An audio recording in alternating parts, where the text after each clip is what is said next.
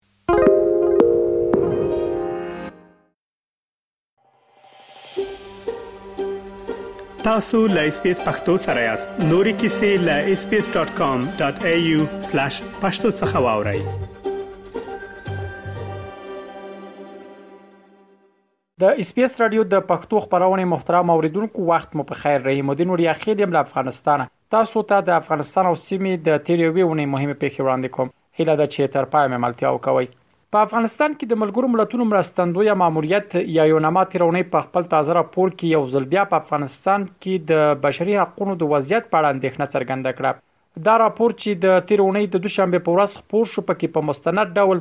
د بشري حقونو د وضعیت څرنګوالی او د ښځو په حقونو د ازادیو محدودیتونو ته کتنه شوې وه. په دغه راپور کې چې د روان زیږدیز کال د می او جون میاشتو پیښې پکې ډاګیزې شوې وې راغلي ول په افغانستان کې پر ښځو د تګ راتګ او زده کړو محدودیتونه دوام لري او د ملګرو ملتونو سازمان په بنسټونو کې د ښځو پر کار بندیز هم د دغه بنسټ کاري بهیر اغیزمن کړی دی. د چاودېدونکو توکو د ځای پر ځای کېدو له کارونې سره په قصدي بریدونو کې د ولسي وګړو مرګ ژوبله، پر مذهبي ځایونو بریدونه، بدني سزا او اعدام او غیر قانوني وژنې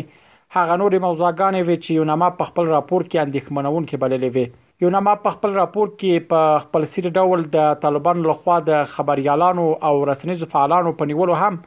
اندېښنه ښودلې وه. طالبانو بیا د یوناما دغه راپور له حقیقته لرې وباله او ویې ویل، دا راپور یا د هغه کسانو د قول پر بنسټ برابر شوی چې له افغانستانه تښتېدلي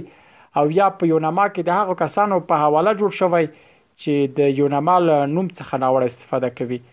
د یادونې ده چې طالبانو په ښځو د نورو محدودیتونو ترڅنګ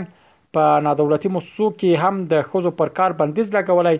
او د نړیوالو اندېښنو او نیوکو سره یې ادعا کوي چې د شریعت په چوکاټ کې د ښځو حقونو ورکړې ته ژمن دي.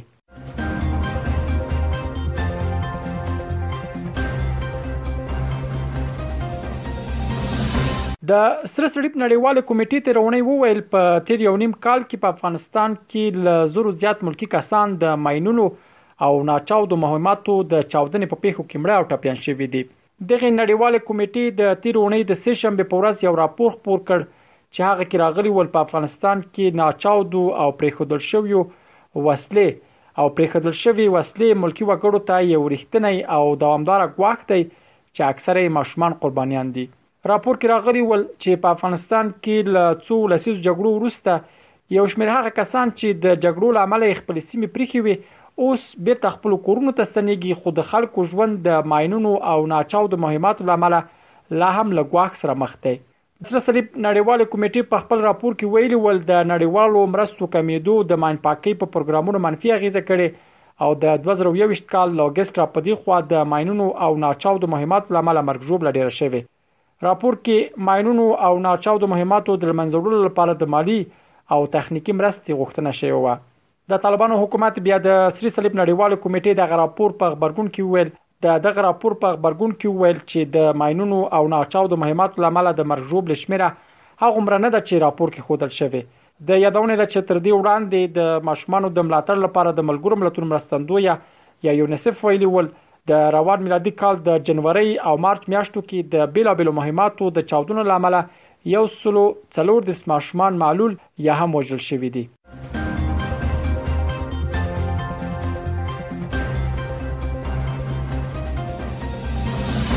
د افغانستان لپاره د پاکستان ځانګړی استازی آصف دراني تېره اونۍ افغانستان ته د خپل سفر په ترڅ کې له طالب چارواکو سره لیده کاته وکړل. ښاغلي دراني په خپل دې سفر کې د نورو طالب چارواکو ترڅنګ د طالبانو د بهرنیو چارو سرپرست وزیر سره ولیدل او د دواړخیزو موضوعاتو ترڅنګ یې په افغانستان کې د ټي ټي بي پر حضور هم خبرې وکړې د طالبانو د بهرنیو چارو وزارت څخه په خبر شوی خبرپاڼه کې ویل شوی ول چې امیر خان متقی او آصف درانی د چهار شنبه پر ورځ کابل کې د دواړو هیوادونو ترمنځ د امنیتي او سوداګریزو همکاریو په باب خبرې وکړې. اعلامیه کې راغلي ول چې ښاغلي متقي د افغانستان لپاره د پاکستان ځانګړي استازي ته ډاډ ورکړ چې هیڅ کله به ضرر ونه رسوي او دا چې خاوره یې دکوم هیواد پر ضد وکاریږي. خبرپاڼه کې دا ویل شوي ول چې د پاکستان ځانګړي استازي آصف دراني هم ډاډ ورکړ چې هیواد به یې د امنیت په برخه کې همکاري کوي. د خبرپاڼې له مخې په دې لیدنه کې د دواړو لوریو ترمنځ د امنیت ترڅنګ په سیاسي او اقتصادي برخو کې هم پر همکاریو خبرې وشوې. د افغانستان لپاره د پاکستان ځانګړی استازی آصف درانی داسې مهال افغانستان ته سفر کوي چې په دې وروستیو کې خپل آصف درانی په ګډون د پاکستان دفاع وزیر او نورو پوځي چارواکو په افغانستان کې د پاکستاني طالبانو په شتون اندېښنه ښودلې او دا ادعا یې کړې چې پاکستاني طالبان په افغانستان کې فعال دي او د هغه ځای په پاکستان کې بریدونه تنظیموي کوم څه چې بیا په افغانستان کې واکمن طالبان یې ردوي.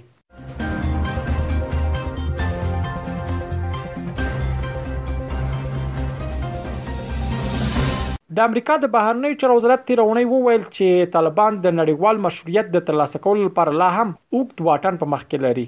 د امریکا د بهرنیو چارو وزارت ویاند میټو میلر وویل، طالبانو ته یې واضح کړې که غواړي نړیوال مشروعیت ترلاسه کړي، مشخص ګامونه دي چې باید یې واخلي. مېټو مېلر که څه هم په دې اړه ډېر وضاحت ور نه کړ، خو له ښځو او انجونو سره یې د طالبانو چلند د اندېښنې وړ وباله. هغه دا هم وویل چې د طالبانو وروستیو کړنو ته یې هم پام دی.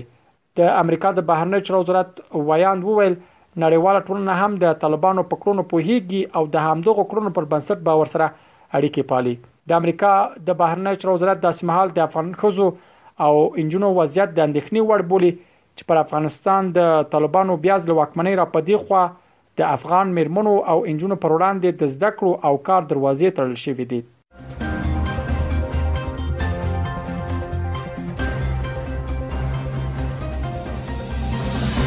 د دې اونۍ د پای موضوع هم دا چې اروپایي ټولنې تیر اونۍ د طالبانو سرپرست حکومت پر دریو لړپول چارواکو بندیزونه ولګول په هغه اعلامیه کې چې د اروپאי ټولنې پر ویبپاڼه خپره شوې و د طالبانو د پوهنې سرپرست وزیر حبیب الله اوغا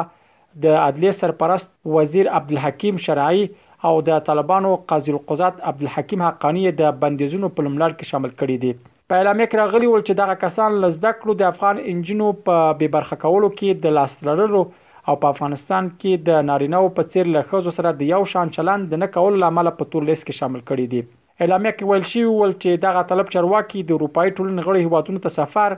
او پکې پانګونه نشي کولای. د اروپایي ټولنې اعلامیه کې دا هم راغلي ول چې د غړو هیوادونو اتباع له دغو کسانو سره سوداګریزې معاملې هم نشي کولای.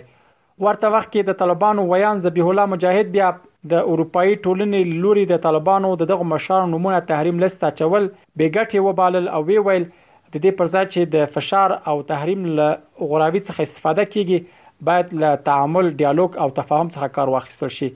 مجاهد وویل، د افغانانو پر وړاندې ناکامه تجربې تکرارول او تحمیلي سیاست پایله نه ده ورکړې.